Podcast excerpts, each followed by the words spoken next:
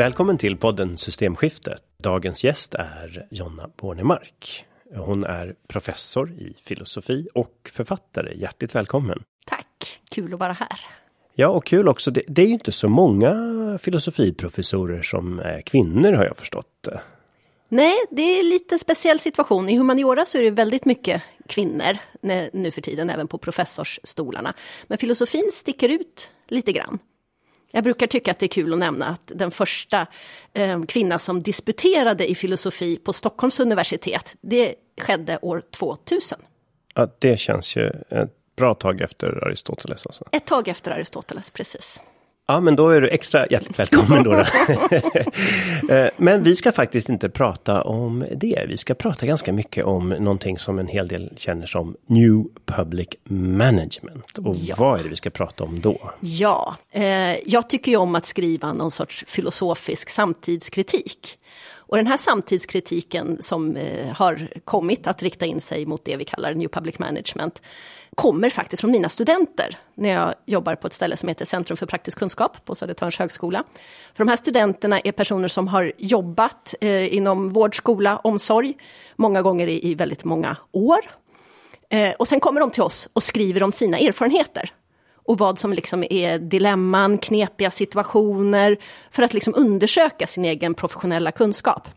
Och då det är alla nivåer, det är från det blir undersköterskor, sköterskor och vård? Eh. Ja, de, för, för att gå våra ordinarie program så måste man ha någon, någon, typ av akademisk examen, för det här är på avancerad nivå, det är på lite högre nivå. Okej, okay, men det är inte så bara ofta... överläkare och administratörer nej, nej, alltså, på högsta och, och vi har haft kurser, jätteintressanta kurser för just undersköterskor inom äldreomsorgen till exempel. Det var det första jag gjorde. Och den kursen bär jag fortfarande med mig. Mm. Att få höra de här konkreta erfarenheterna, inte bara liksom på en gång börja abstrahera och befinna sig i generella beskrivningar, utan gå in i konkreta situationer. Och det här har jag badat i, i ja, men sedan 2009, så det liksom, vad blir det, 12-13 år.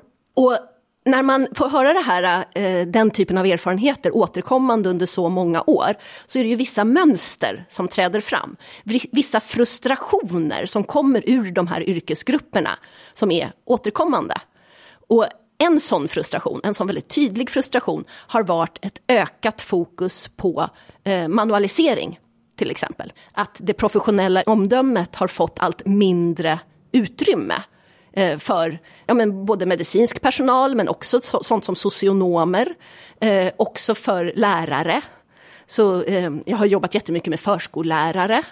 Eh, så att, så att det här är en väldigt utbredd problematik där man vill att människor lite grann ska göra som det står. Och man tror att kunskapen ryms i manualtext.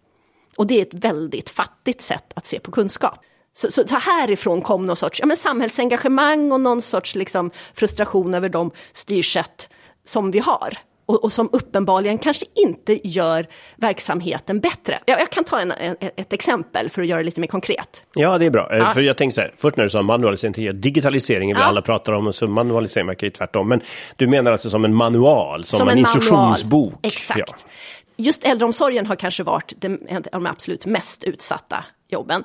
Eh, jag pratade med en kille som jobbade inom hemtjänsten och han beskrev hur när han kom till en äldre person så, så står det ju du ska eh, hjälp med påklädning 10 minuter, eh, dusch 20 minuter och så vidare. Så det är väldigt specificerat och specificerat i minuter hur lång tid det tar.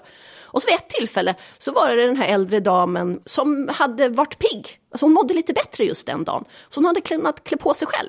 Så han fick tio minuter över och hon hade fullt upp med annat så hon ville inte sitta och prata eller så mm. heller.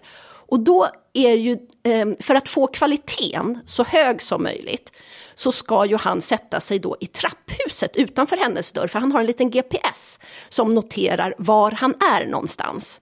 Och måluppfyllelse, hög kvalitet, är att han eh, gör som det står och helt enkelt är där på den där platsen, även om hjälpen inte behövs. Och sen när han satt, om, han gjorde faktiskt inte det här, men det var så här han borde ha gjort.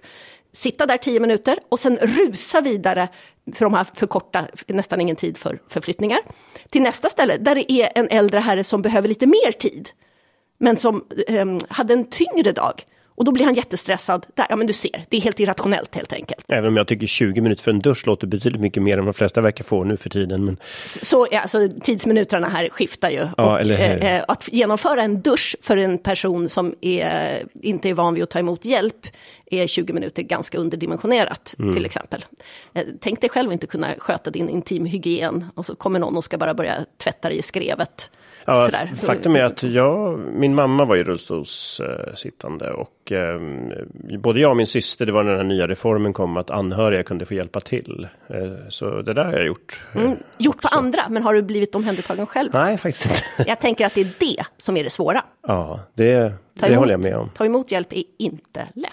Varför är det så? det, vi är ju liksom uppfostrade och att vara en vuxen person är ju att kunna ta hand och sköta sig själv. Och vi lever i en kultur som odlar autonomi, självstyrande, eh, intimitet, det här är mitt liksom. Så att det är jättesvårt när vi plötsligt upptäcker att vi är genomsläppliga och behöver hjälp och eh, liksom flyter ut ur den här eh, väldigt eh, självbestämmande autonomin.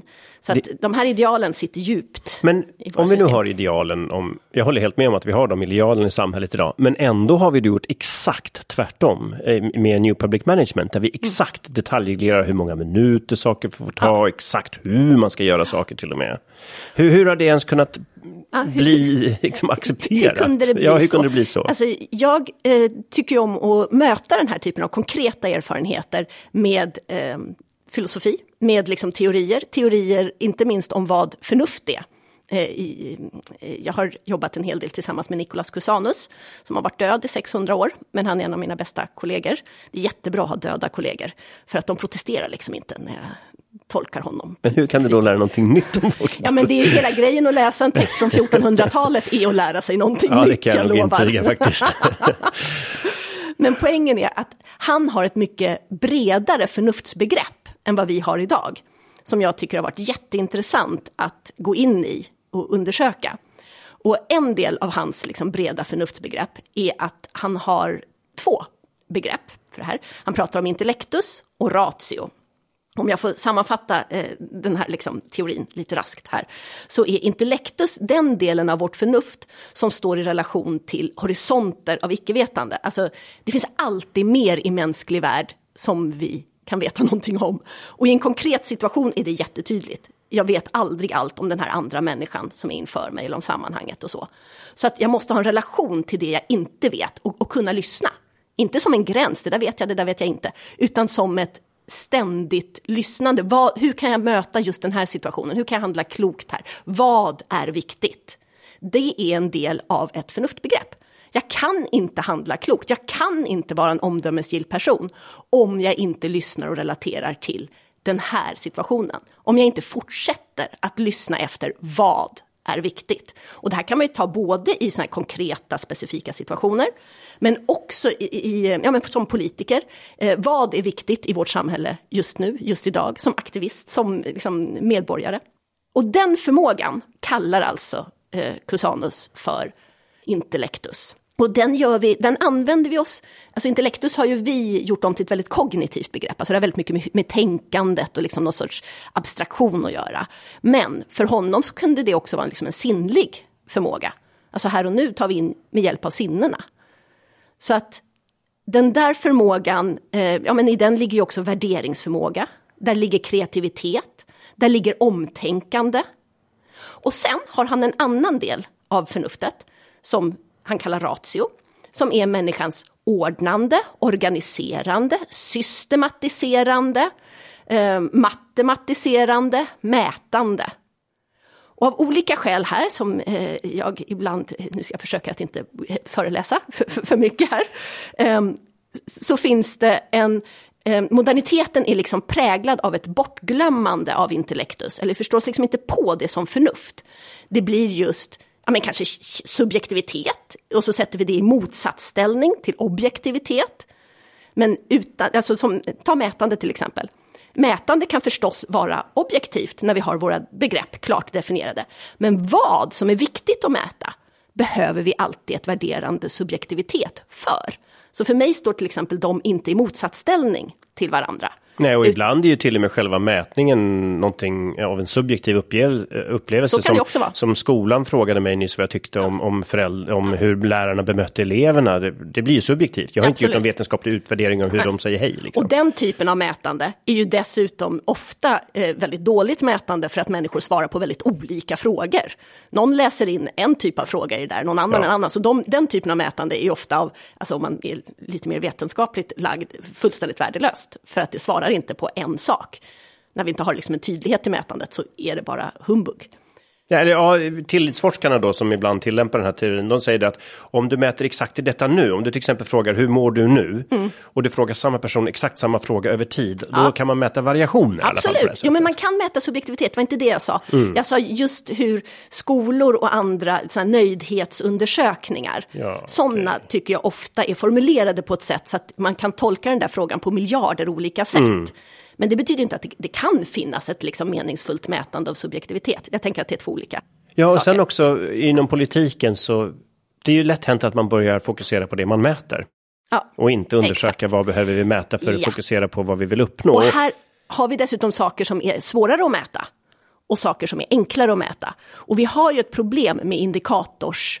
Vi har alltid indikatorer som du då ska peka på någonting annat fenomen som ligger bakom. Men det där fenomenet bakom är så lätt att glömma bort och så stirrar vi oss blinda på indikatorerna. Ehm, det- här, de första sådana eh, absurditeterna dök ju upp när polisen pratade om det och de skulle göra x antal ehm, nykterhetskontroller. Och så river de av dem raskt eh, i, i morgonrusningen, för där är det jättemånga bilar. Eh, så, så kan de göra sina hundra nykterhetskontroller, men de flesta är trots allt nyktra när de kör till jobbet. Eh, Medan det inte är meningsfullt då att göra nykterhetskontroller klockan tre på natten någonstans. För att då kommer det så få bilar. Men om man vill kolla, liksom faktiskt ta fast de som kör onyktra så kanske det, ja men du förstår. Ja, jag förstår. Och, och, och det verkar som att de ibland då också anpassar sig. Jag kommer ihåg, jag skulle hämta några vänner som återkom från en charterresa. Och då bad polisen alla som hämtade sina bilar och körde iväg från charterreseflyget att blåsa. Och det var ju nog ganska klokt Mm. eftersom det kanske lätt är så att någon tar en drink på vägen hem eller så. Så att ibland är det ju, kan man få många, man kan optimera. Ja, liksom. Man kan optimera. man kan optimera och, och det är inget fel med att göra det så länge man behåller alltså, det som lite grann hör till intellektusfären. Vad är viktigt här? Man behåller den frågan levande. Men det som händer i den här typen av system är att man tappar bort den delen. Vad är viktigt här? Och man fyller bara upp målen som redan är klubbade. Som Göra- vanlig som letar efter nycklarna under Gör- lampan för att det är ljus ja, där. Precis, göra hundra kontroller, punkt. Och så Ja. blir det väldigt starkt styrande. Så att återigen så är det två olika frågor här. Visst kan vi optimera, men med bibehållen liksom, eh, vadhet. Alltså, vadhet är ett sånt här ord som Cusanus använder som jag tycker är helt underbart. Vad är viktigt? Och, och vad den här vadheten är, det kan ju vara olika i olika situationer. Ja, f- ja, eller jag får reflektera kring det här vadhetsbegreppet och för, om hur jag skulle tolka det var lite grann. Jag har ju varit i politiken ganska länge och då har tillväxt varit alltings mått. Det är den vadheten som alla styrs av.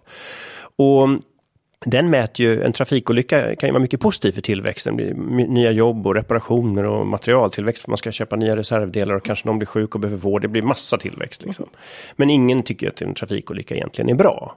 Men då tänker man att tillväxt, vad som än händer, är alltid bra i politiska debatter. Och då har det varit en rörelse som EU-kommissionen drog igång för länge sedan. Att man skulle börja mäta 15 andra indikatorer. Och, ja, men mår vi bättre? Minskar utsläppen? Och försöka väga ihop det här. Man, man har försökt bredda det här lite grann till även annat. Även om de indikatorerna sen har samma problem som du lyfter så är det ändå bredare och lite mer meningsfullt. Precis. Och här tänker jag att det finns två saker. Dels att bredda indikatorerna och fundera på med vilka indika- att inte fastna i det. Men också att ha debatten och diskussionen och samtalet, det kan vara i organisationer, det kan vara på en arbetsplats, det kan vara i politiken, kring eh, relationen mellan indikatorerna, de, det som är mätbart, och det som kanske inte är det. Och det som är den här grundläggande vadheten. För vi går så snabbt över till ett ratio problemlösningsmodus. Och det som jag tycker är poängen med Cusanus är att de här två sidorna av förnuftet mm eh, hela tiden måste, liksom, det måste finnas en rörlighet mellan dem. Vi behöver båda sidorna. Eh, det är inte heller så att vi skulle kunna klara oss med bara intellektus utan en liksom, problemlösningssida. Eh, då skulle vi bli väldigt fattiga som kultur. Men det funkar faktiskt inte heller att bara ta bort intellektus också, eller minimera eller inte riktigt förstå sig på den. För, för så, så tänker jag att vårt samhälle ser ut. Och sen kommer det in klassfrågor i det här också. Alltså en eh, vd, jag hoppas verkligen att politiker liksom upplever att de håller på med intellektusverksamhet och funderar över vad är viktigt. Men faran är sen, och här tänker jag att det kommer in eh, frågor om eh, demokratiideal, eh, vilka människor ska vara bara utförare, alltså robotar i princip, bara lyda order det vet vi vilka faror som ligger i det. Och vilka ska vara liksom tänkande, omdömesgilla personer. Jag vill ha tänkande, omdömesgilla personer bland våra lärare. Eller att, att, våra lärare ska vara det, att våra undersköterskor inom äldreomsorgen ska vara det. Här i ett New Public Management... Jag vill att snickare och bilmekaniker också ska vara det. Eller hur? Människor måste liksom ha tillgång till båda de här sidorna. Och här har det ju visat sig att när vi har en väldigt hög tilltro till en problemlösande rationalitet och att kunskapen kan skrivas ner i text, då behöver de där på liksom golvet, det vill säga i den konkreta verksamheten, de som gör det som faktiskt är viktigt på riktigt, de behöver bara lyda order. Och det tänker jag också är en livsfarlig både förnuftssyn, kunskapssyn och människosyn. Och det är det som New Public Management egentligen gör. Man sätter på papper exakt vad alla ska göra. Ja. Och eh, jag har också märkt att det skapar du var inne på det lite grann, en osund ledarskapskultur. för då, för, då göder man lojalitet istället för ja. solidaritet. Alltså att lojalitet för mig, det är väldigt vanligt, det är riktat uppåt. Man är lojal mot någonting oftast chefen. Precis. Och, eh, och solidaritet, då, ja. det kan vara gentemot den som man hjälper, eleven eller brukaren eller vem det nu kan mm. vara, patienten. Eh, solidaritet kan vara med kollegorna, det, det är mer jämställt begrepp, medan lojalitet är riktat mot den papperslappen där när mm. chefen, och, och då är ofta målen satta så att det går inte att uppnå alla mål. Eh, så då måste du få chefens förlåtelse för att du inte nådde dem och mm. den som är jobbig den får inte chefens förlåtelse och då har man alltid massa bra argument på pappret för att mm. avskeda någon. Så att det skapar en lydnadskultur. Mm. Och jag tänker att begreppet medarbetare också är i den andan. Det är ju chefens medarbetare. Chefen är ju inte medarbetare så det är ju sett ifrån chefens perspektiv. I någon sorts demokrativurm för att alla är så här lika, vi är medarbetare. Mm. Men jag tycker att det ordet bär på liksom en så implicit lite obehaglig maktstruktur som pekar åt det hållet du beskriver där. Det är väl intressant de här olika begreppen. Jag har aldrig riktigt förstått varför man kallar det för arbetsgivare. De ge, det, mm. det, är ju inte gratis, det är en transaktion. Man är arbetsköpare på sin mm. höjd. Liksom. Mm. Så det är intressant hur ord används för att styra våra tankar. Absolut. Hela vårt idéarbete, våra värderingar, eh, de här grundläggande målen, vadheterna. Det är ju verbaliseringen av dem som är kanske det absolut viktigaste för hur ett samhälle, en kultur utvecklar sig vart vi är på väg, vad som vi liksom får syn på och vad vi liksom värderar och gör någonting åt till exempel. Okej, okay, men då mm. om man är rationell då, som vi ska vara i västvärlden hela tiden. Eh, om man har New Public Management och så märker man att ja, men nu styr den här verksamheten mot våra mål. Och så blir den supereffektiv på att lösa just de målen och så glömmer man bort varför man ens har vård, skola omsorg. Mm. Men vad är det som har gjort att den modellen fick sånt enormt fäste. Mm. Och först nu börjar ifrågasättas. Hur, hur kunde mm. det ens uppstå det? Mm. Men, eh, det, det, vissa praktikaliteter. Jag har två svar på den frågan. Det ena är att moderniteten är präglad av en liksom, övertro på ratio och underskattning av intellektus. Och det slår igenom ja, men i allt ifrån så här, förintelsen eh, till eh, ett kommunistiskt styre. Alltså det finns en massa olika varianter på hur, hur det slår igenom i eh, västerländsk modernitet. Ska man tillämpa det då på dagens samhälle så är det kanske nyliberalism i den här ismen som man, man överskattar kanske just tron på marknaden då. Mm. Då hade man olika ideologier och dagens tro är kanske på marknad och då överskattar man att marknaden kan ta hänsyn till allting.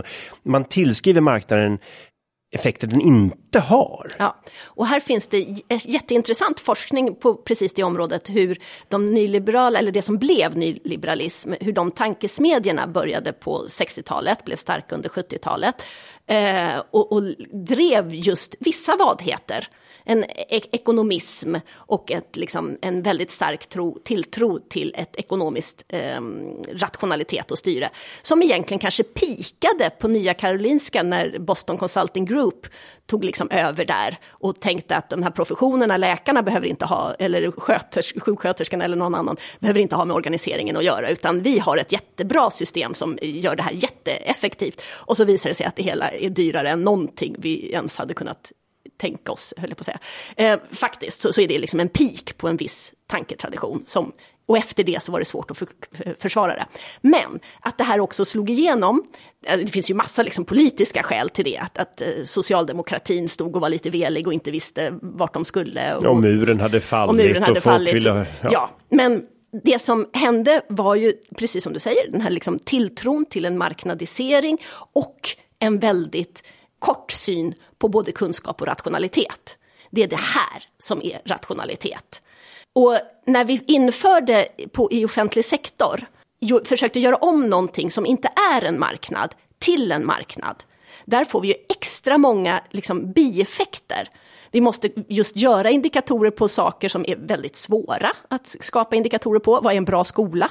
Till exempel, otroligt svårmätt. Och när vi försökte kontrollera på det och kontrollera det, se till att pengarna inte piper iväg i vinster i för hög utsträckning, så blir det också en väldigt hård kontrollsystem. Och här har vi sett hur, hur, eh, det här är ju helt mätbart och det här är bra att vi mäter, hur mycket administrationen har växt. Vi vet att vi har anställt, eh, det här är extremt tydligt inom vården också, väldigt många fler administratörer än kärnverksamhetspersoner. Alltså det, det blir många mer administratörer än lärare, läkare, sjuksköterskor och så vidare. Plus att de här eh, i kärnverksamheten, de ägnar allt mer av sin tid till administration. Så sanningen är den att... Så vi är otroligt duktiga på att mäta aktivitet som vi inte har tid att genomföra? Ja, precis. Vi, vi har liksom, och ser man vart pengarna går så, så är den här skevheten rätt uppenbar. Och, och åt vilket håll det har utvecklats under 2000-talet. Och det här beror ju just på, och det här kontrollbehovet tänker jag är har, har två, flera bottnar. En botten är ju just, ja men det får inte pipa iväg i vinster. Det är liksom en väldigt enkel eh, del i den här konstruktionen. Eh, den andra delen är ju modernitetens människas enorma behov av att kontrollera världen. Och tilltro och också förmåga till en, liksom, världen är där för oss att kontrollera. Och till den grad så att jag hävdar att vi tappar bort en relation till att inte veta. Att inte veta är liksom alltid fel och någonting vi snart vet. Och då glömmer man bort det här grundläggande existentiella faktumet att människan, att världen alltid är större än vad vi kan ha kunskap om. Det är kanske det som förklarar, för jag läste en, en, teori om att varför vi ens har känslor och annat, varför det är rationellt mm. att ha det så att yep. säga. Vi måste alltid förklara någonting rationellt yep. i vår värld. Men, men då var det så här att i just komplexa situationer där det finns för många möjliga val och parametrar att ta hänsyn till så kan känsloförnuftet vara ett, det mest rationella mm. att fatta beslut med. Mm. För man just det, den är bättre på att hantera de här vadheterna som ligger utanför mm. de horisonter vi jobbar med inom New Public Management då, till mm. exempel. Plus till och med den här absolut grundläggande, alltså vi är inte människor om vi inte erfar, om vi inte känner. Eh, och den här grundläggande förmågan att, alltså människor kan leva på miljarder olika möjliga sätt. Det är oändligt, hur, alltså människan är otroligt flexibel i, i sina livsmöjligheter. Och här eh, så, så, kan vi behöva just den kompetensen att fundera på, men vad är viktigt här? För oss nu? Hur? Vart är vi på väg? Vad ska vi fånga upp? Mm. Så jag tänker att eh, den frågan också, för, för det här får förstås kritik, ja men eh, subjektivt, eh, känslomässigt pjuck, bara känna saker. Men vi kan inte vara rationella utan det hur använder man känslor på ett bra ja. och logiskt sätt? Hur, ja. hur, hur, kan man liksom inte bara agera i affekt Exakt. utan förstå uppkomsten till känslan, tolka känslan och använda den till att bygga Precis. vidare på sin kunskap. Precis. För grejen är ju den att subjektivitet är inte bara liksom en sak. Subjektivitet är någonting vi kan odla. Det är någonting vi kan skapa en kultur för. Det är någonting vi kan bli bättre på. Eh, för här blir subjektiviteten ofta bara utskälld för att dels att vi är bara olika och tycker någonting och det blir affekt. Mm. Men en bildningstradition handlar ju om att titta på sina egna känslor, titta på våra kollektiva känslor, som jag tycker vi är dåliga på att liksom prata om. Fundera på, ja men, eh, alltså känslor står ju ofta i konflikt med andra känslor. Känslor är ju att känna att det här är viktigt och det där vill jag bort ifrån och, och det här är, vill jag hantera på det här viset eller så. Och här är ju liksom samröret med en, eh, ett ratio nödvändigt. Det är rörelsen mellan de här som är liksom den viktiga. Vilken, och här kan vi knyta an till miljöfrågor. Vad är jag har en massa känslor kring att ja, men jag vill fortsätta att leva mitt liv eh, så som det är bekvämt, så som jag är van. Eh, jag vill se mina, ja, ta hand om, om det liv så som jag känner det. Och samtidigt så har jag kanske en insikt i att miljöfrågorna är allt mer allt mer pressande. Vi kanske ska vi liksom, kallar det för kris här på Greenpeace. Vi kan kalla det för kris, ja. ja. ja. men de liksom tränger sig på, på olika sätt. Och här är vi ju just i, här har vi ju känslor som krockar med varandra också. Och då gäller det att börja titta på dem och se vad är viktigast. Då... Och, vad, och hur ska jag leva? Och hålla det där, hur ska jag leva liksom, rörligt? Och egentligen då, om vi tittar på där New Public Management är härskat, nu ifrågasätts ju faktiskt det. Mm. Och då pratar man mer om tillitsbaserade ja. modeller. Ja. Och här har vi faktiskt att göra med yrkesgrupper som är utbildade för att lösa de problem de ställs inför. Är man sjuksköterska, läkare eller socionom så är man ju utbildad för respektive roll. Mm. Så om vi då har en tillitsbaserad, då är det då att i utbildningen så lär man sig då att koppla ihop det intellektus med eh, ratio då, att, att, att man man faktiskt får lita till att jag hittar en metod att göra det här på patientens eller elevens mm. bästa. Men hur säkerställer vi då att vi gör det här bättre och bättre? Hur samlar man in kunskap då? Om man har tillit, mm. hur, hur skulle vi kunna organisera det på ett mm. tillitsbaserat sätt? Och hur skulle vi ändå kunna plocka russinen ur kakan ur det här rationalitets och utvärderande Absolut. utan att det blir betungande? Hur skulle det kunna gå ja, till? Ja men dels så har vi en tendens att tänka att eh, subjektivitet, omdöme hör till individer. Sanningen är att det hör till kollektiv. Att det viktiga när vi pratar om professioner och makt i professioner så måste vi tänka kollektiviteter. Vi, lite, alltså, vi måste tänka subjektivitet och kollektivitet tillsammans. För vi kommer från en tradition som tänker subjektivitet och individualitet. Och det är inte riktigt sant i hur det fungerar i, professionellt, i professionella omdömen. För där tar vi in andras röster. Och, och här har vi alltid motstridiga krav. Tänker lite olika, men professionaliteten ligger i att samtalet, dialogen, spänningarna är liksom öppna och att vi pratar om dem. Så här kan vi liksom eh, utveckla omdömesförmågan, helt enkelt genom att skapa strukturer för omdömesutveckling. Den andra delen är att ta bort en vadheter som leder oss fel. Till exempel vinster i välfärden. För den vadheten har blivit så styrande i hur välfärden organiseras. Och jag tycker att det är ja, men det är så få som tjänar på att vi organiserar oss på det viset. Jag tycker att det, det, är ganska få som säger att marknadiseringen av vård och skola har gjort den så vansinnigt mycket bättre. Och här behöver inte alternativet vara att allt ska gå tillbaka bara till statlig, regional, kommunal regi. Utan vi, vi, kan ju faktiskt ha en mångfald även med eh, begränsat eh, vinstuttag. Och det här är en politisk fråga och det här är en känslig fråga. Men det jag ser är att det blir en vadhet som har blivit alldeles för styrande. Och då tänker jag att man ska minimera eller ta bort den eh, vadhet. Och då skulle en annan vadhet här kunna vara att ja, men låt oss nu utnyttja det faktum att vi har utbildat massor med människor till att göra det här jobbet. Ja. Ge dem bästa möjliga förutsättningar att göra det på sitt sätt. Ja. Och sen litar vi på att de har dialog med varandra och de konsulterar varandra och de utvärderar eh, och har en eh, kunskapsutveckling med varandra som gör att de kommer hela tiden hitta på bättre lösningar utan att vi exakt detaljstyr hur allting ska nej, och precis, Detaljstyrningen dödar ju omdömet, utan här att, att ha en profession, annars skulle vi kanske inte behöva någon utbildning. Då behöver man ju bara göra som det står i manualen. liksom, och så några handgrepp som vi Men kanske jag, tränar in. Jag har tänkt på det, en orsak till att det här har slagit igenom så stort, det är kanske för att folk tycker det är ganska bekvämt. För om du har en manual, mm. då är det aldrig ditt fel när saker skiter ja. sig. Och det här är jätteintressant, för ansvarsfrågan är ju liksom förbunden med det här. Och här har ansvaret förskjutits från att vara ansvar i relation till den här patienten, den här eleven, till att bli ett ansvar till att ha gjort som det står i manualen. Och jag har gjort som det står i manualen, precis som du säger, då har jag ryggen fri och ingen kan liksom anklaga mig. Då, då, antingen så är, är, det jag som inte har följt manualen eller också måste vi skriva om manualen. Och, och det är ett väldigt, alltså problemet är att manualer aldrig kan bära tillräckligt med kunskap. Den är så fattig i liksom situationskunskap. Den har Eller så blir den så omfattande att ingen ändå läser den. Exakt, och det är också ett problem vi har idag, att manualer börjar liksom korsas och hur ska vi förhålla den här manualen till den här andra manualen? Och på något sjukhus hade de ju hittat, eh, jag kommer inte ihåg hur många det var, 20 manualer för samma teknik. Liksom.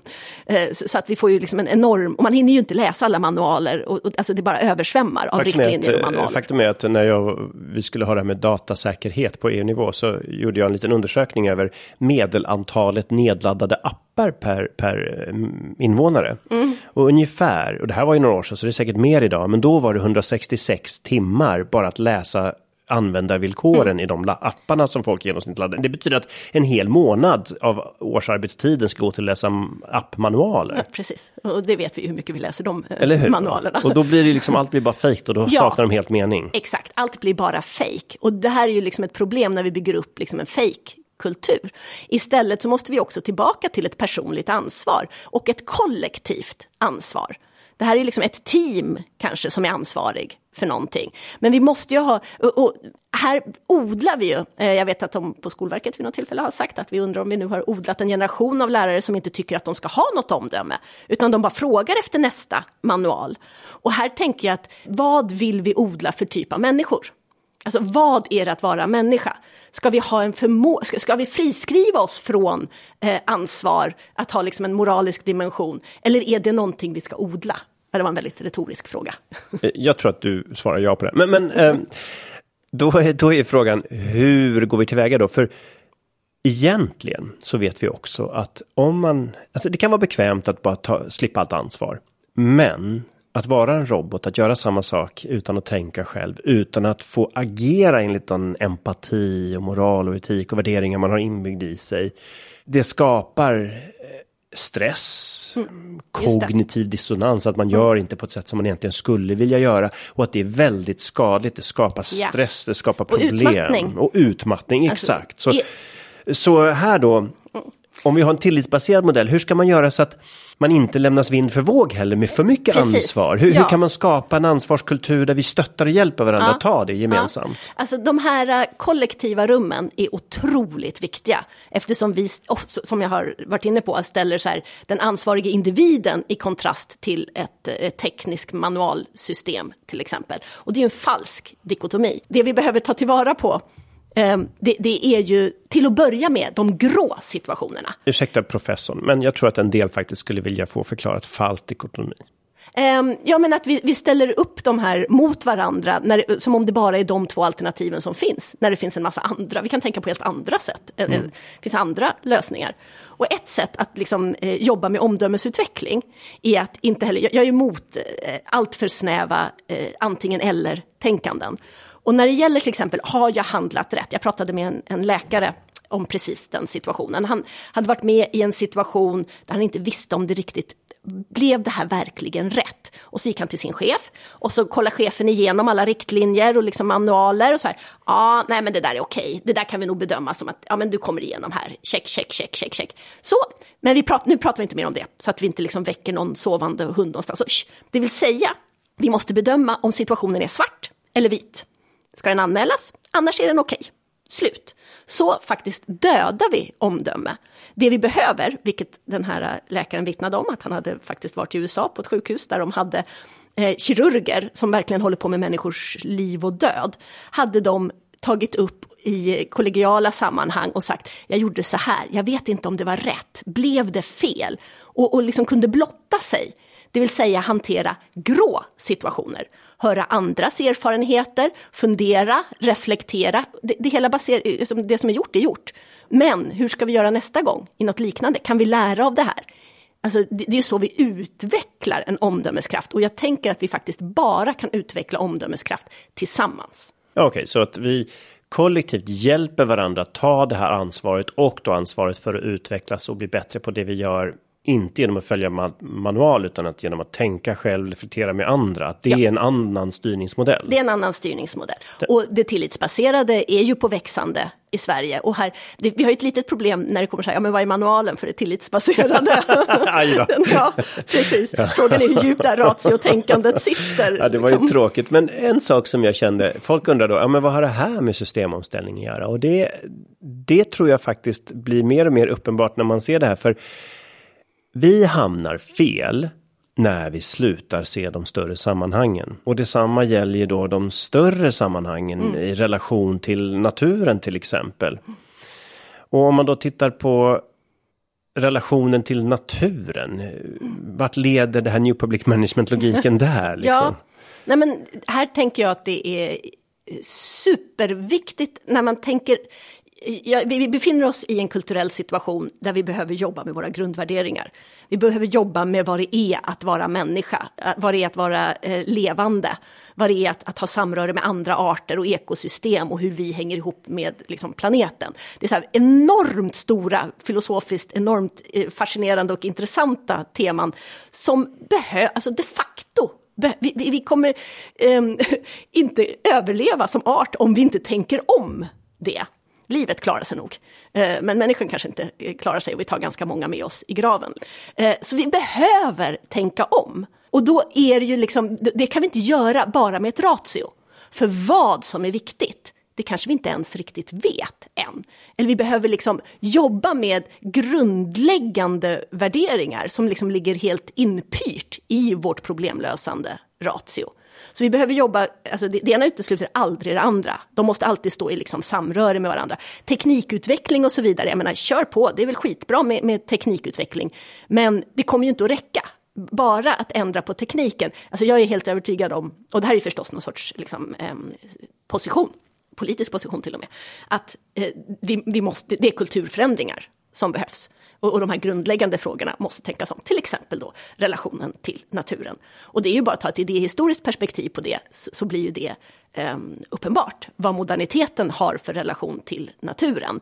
Där naturen är, eh, ja men vi kommer ju från en eh, tillvaro där naturen väldigt mycket är ett hot.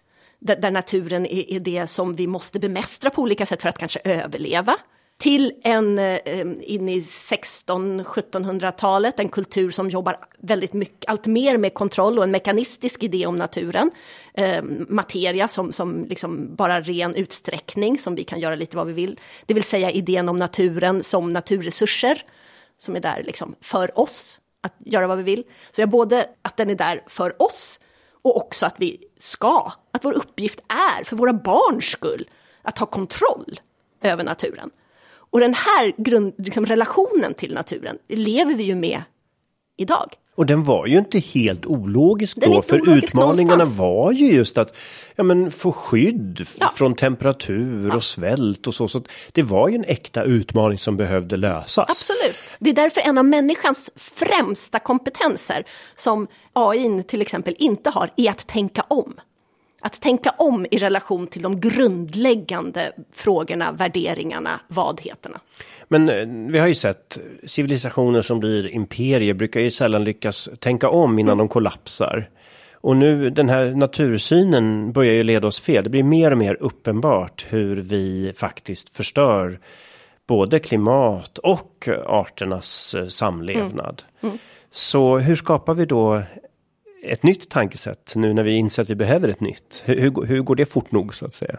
Ja, hur det går fort nog eh, är jag inte helt säker på hur, att, att jag kan besvara. Kanske kan vi inte det. Det är ju liksom en, en empirisk fråga, det får vi ju se om vi kan eller okay, inte. Men de som lyssnar på men... den här podden kanske i alla fall vill göra det snabbare. Ja, Hur gör man då? absolut. Och det är klart att vi, att vi måste jobba med det. det. det. är klart. Och dessutom så skulle jag vilja betona att det är, att, att det är kul.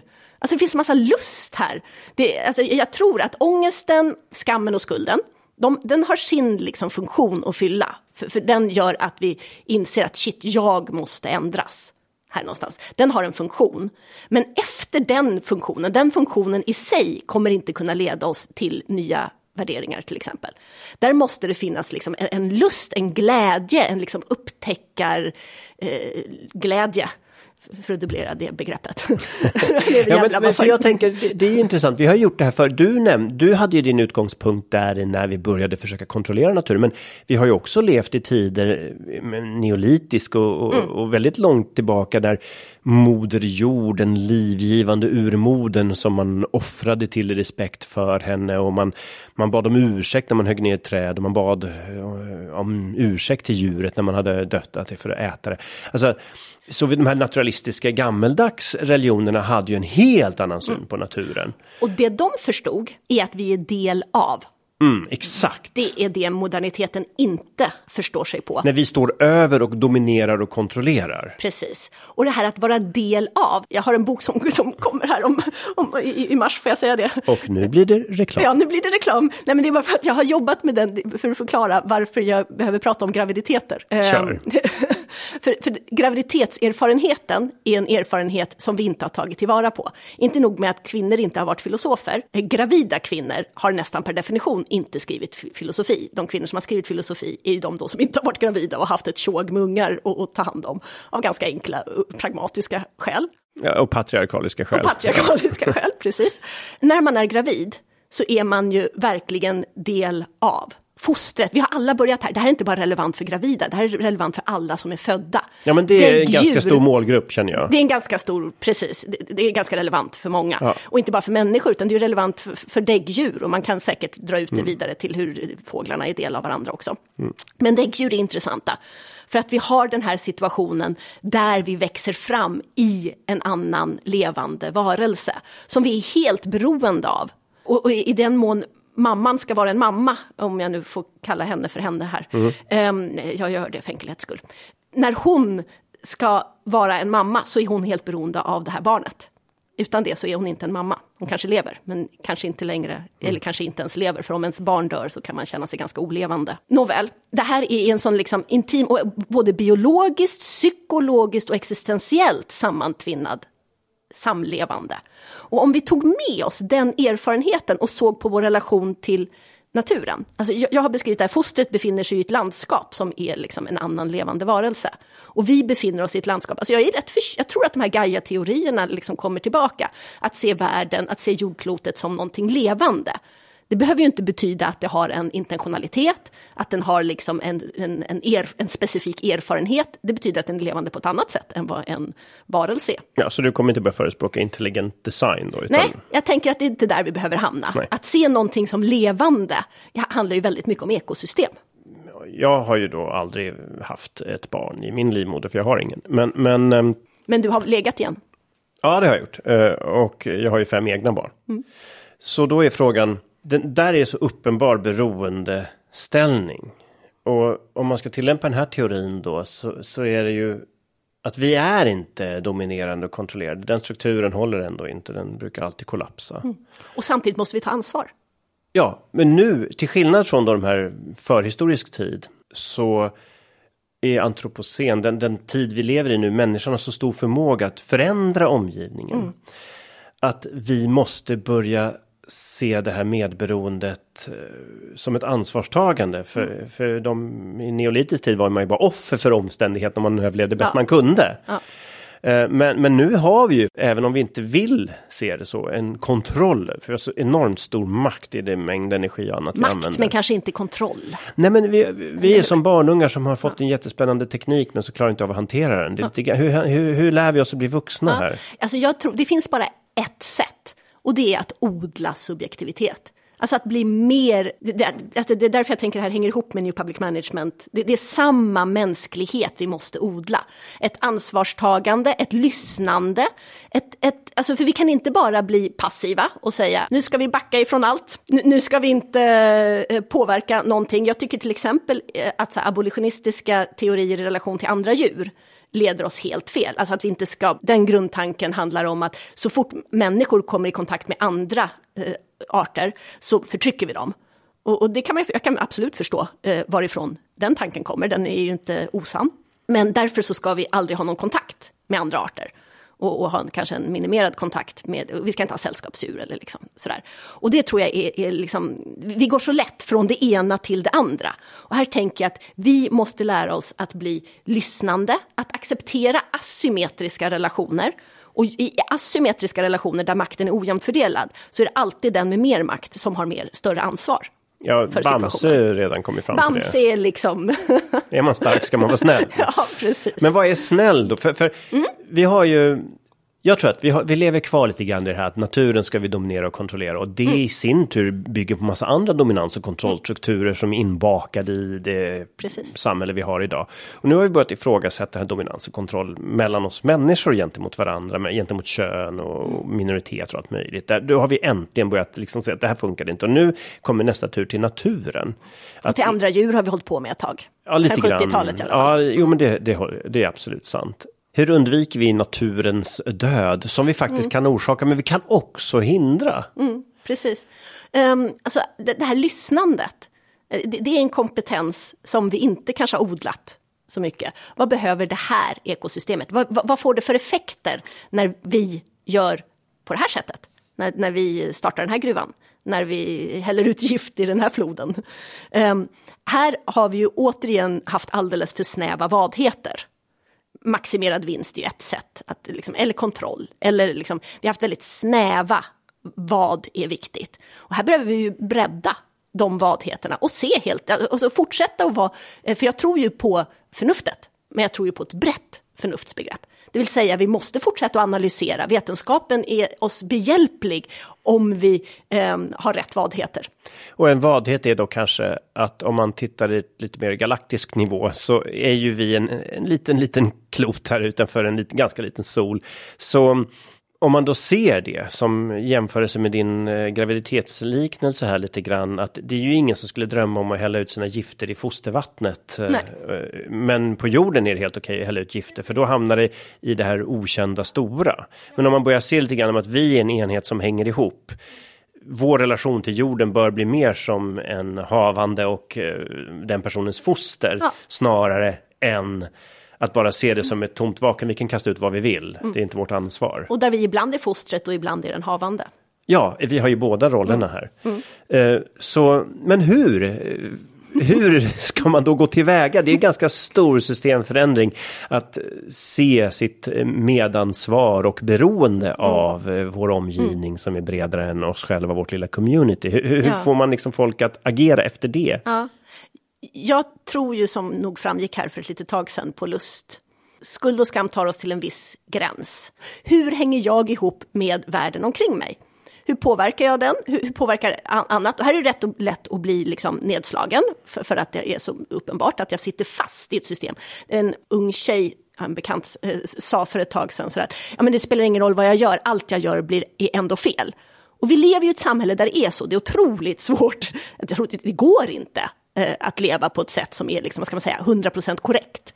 I, enligt... Eh, Ja, det går nog, men då kanske man riskerar att hamna i Aristoteles den här när han pratar om dygd. Att, Mm. jo, men man ska inte hålla på och slösa och leva i överflöd, men man ska heller inte bli så asketisk att man tappar livsglädjen som du nej, är men inne på. Precis, och vi hamnar ju lätt i det där asketiska idealet och, om vi liksom ska göra helt rätt. Här tänker jag också att vi kan titta i alla storleksordningar. Nej, men här, när det kommer till eh, ja, men vad jag äter, så kan jag se att jag har de här problemen. Jag, jag samspelar med världen på det här sättet. Vi har den här djurindustrin som är direkt obehaglig när man gör om levande varelser till produktionsenheter. Vad vi äter är ju liksom en gigantisk fråga. Men här tänker jag att vi också kan titta på ja, men hur, hur fungerar ett, ett samtal här? Vad tar jag in och vad ger jag? Jag, jag, är jag tycker om att tänka i termer av paktivitet. Och det är ett ord som jag hittat på själv, så det är inget konstigt. Att Jag inte- känner mig okunnig här ett tag, du får det, det är förklara inget konstigt att Ja. ni inte vet vad det betyder. Ehm, men vi delar ju så lätt in saker och ting, att antingen så är vi passiva eller så är vi aktiva. Men graviditetserfarenheten faktiskt ifrån eh, att föda barn, så, så funderade jag efteråt, var jag passiv eller aktiv? Eh, Medan jag föder, och för att beskriva för de som inte har fött barn, så, eh, eh, eller mina förlossningar, det här är förstås någonting som är olika i, för olika Eh, födande. Men eh, jag hade väldigt starka verk, starkt verkarbete. De här verkarna har jag ju ingen kontroll över. De kastar sig över mig, framförallt i slutskedet så är det ju liksom, ja men det, det är verkar som kommer någon annanstans ifrån och som försöker få min kropp att vända ut och in på sig själv. Det, det är en ganska mäktig och ganska jobbig upplevelse. Men det där, det skulle kunna sätta mig, göra göra att jag bara är passiv. Men saken är ju den att jag måste föda. Jag, jag kan göra något med verkarna. I krystningsskedet så kan jag så här flåsandas, liksom så att det inte krystar på. Eller jag kan trycka på!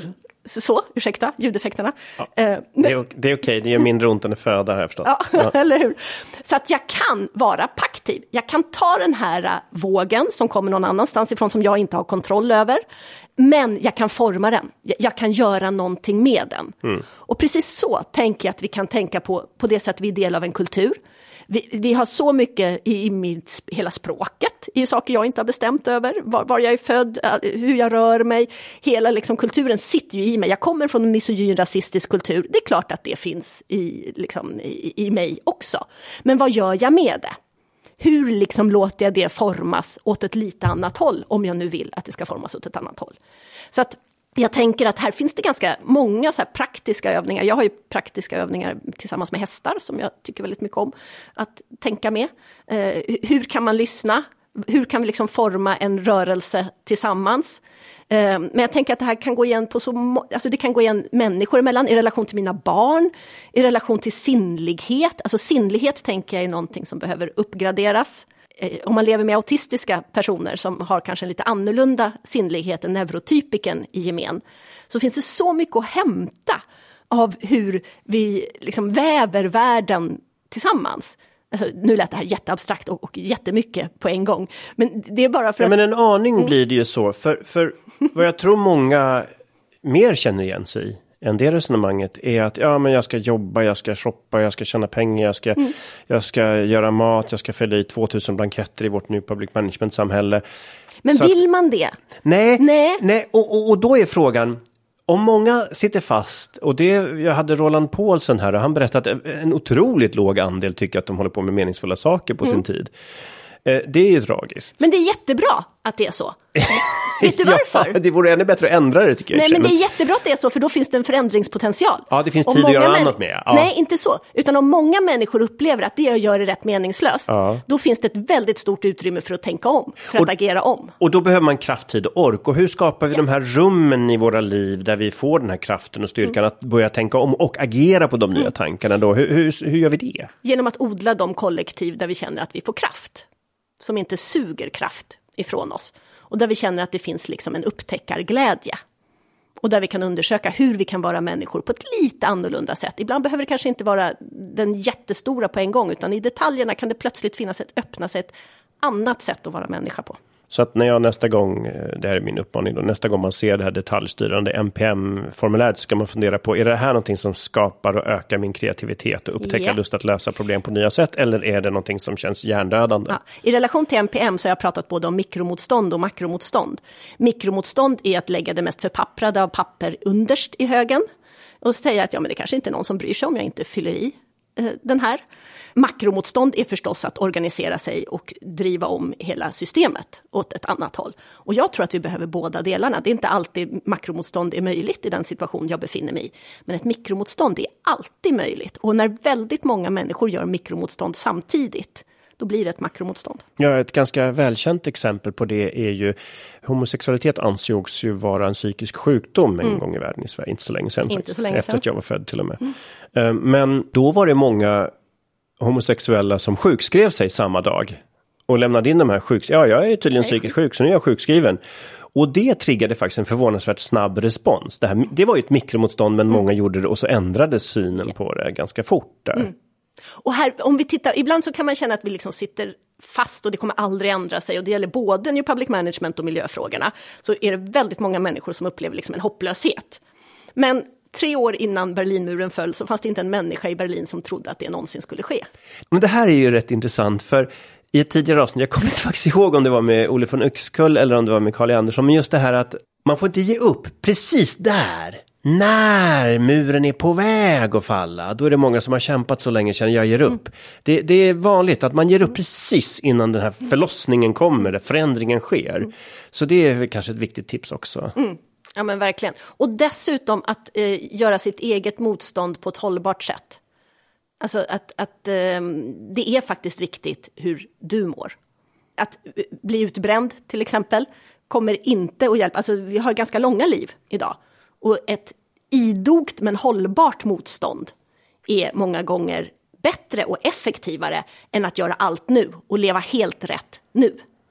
Är du med på? Ja, jag förstår, men jag tycker att det är, det är väl implicit av din vanliga logik om att man ska lyssna på fler dimensioner än ja, bara den precis. ena. Då, då, kommer det, då bygger man ju in en motståndskraft här om du börjar lyssna på vad din känsla, din moral, din etik, dina värderingar säger dig och hur du ska mm. tolka det och varför du reagerar som du gör. Då har man ju mycket större chans att upptäcka sådana problem innan de drabbar en. Så ja. det borde vara inbyggt i din logik här. Det tycker jag. Självläkande också. process. Ja, men precis. Och, och att värdera alltså, såväl andra och sammanhangen som sig själv. För ibland kan det finnas liksom ett själv, den där självspäkande, det asketiska idealet eh, tenderar ju att slå igenom när vi vill göra motstånd mot motsatsen. Mm. Människor går så snabbt från det ena till det andra och det kan ju, är ju en styrka. Det är en styrka i, i att liksom, ja, men, eh, behöva radikalt ändra någonting. Men till syvende och sist så, så är det ju liksom någon typ av Ja men balans. lagom asketiskt, det, det har vi sagt. Det, det, det var ju redan Aristoteles för 2000 år sedan. kom fram till- var bra på Ja, lagom. men det, det hade han i alla fall rätt i. Han hade fel med en del annat tycker vi kanske. Men, men, men, men det hade han rätt i. Det hade han absolut rätt Ja, i. men, men och, sen, och visst mått av det är ju ändå vettigt. Jag, jag har personligen avstått från att flyga privat nu i över tio år. Men det, det Mm. Vissa är saker okej. är lätta Vissa att avstå saker från. man, Alltså man är inte asket för att man avstår att flyga. Eller hur? Det är, väl det är fortfarande en mycket låg andel av jordens befolkning som ens har gjort det en gång. Ja. Så att eh, vi, vi kanske ska vara försiktiga med asketdefinitionen. Ja, just det. Ja, ja, ja, jag sket för jag flyger inte till Kanarien över Nej, veckan. Nej, nej, det är sant. Ehm, Men det visar ju också hur, hur, hur små förändringar kan upplevas som, oh, vad är jag gör nu då?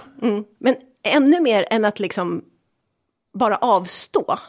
Eh, för, för det är ju lätt så, jag äter inte kött, jag flyger inte, jag kör en elbil eller liksom vad, vad det nu kan vara. Det handlar så mycket ofta, alltså i, i- någon sorts, vi, vi- lever i en överflödskultur, vi, vi, alltså det, det finns ju något naturligt i att det först handlar om att ta avstånd, att liksom säga nej.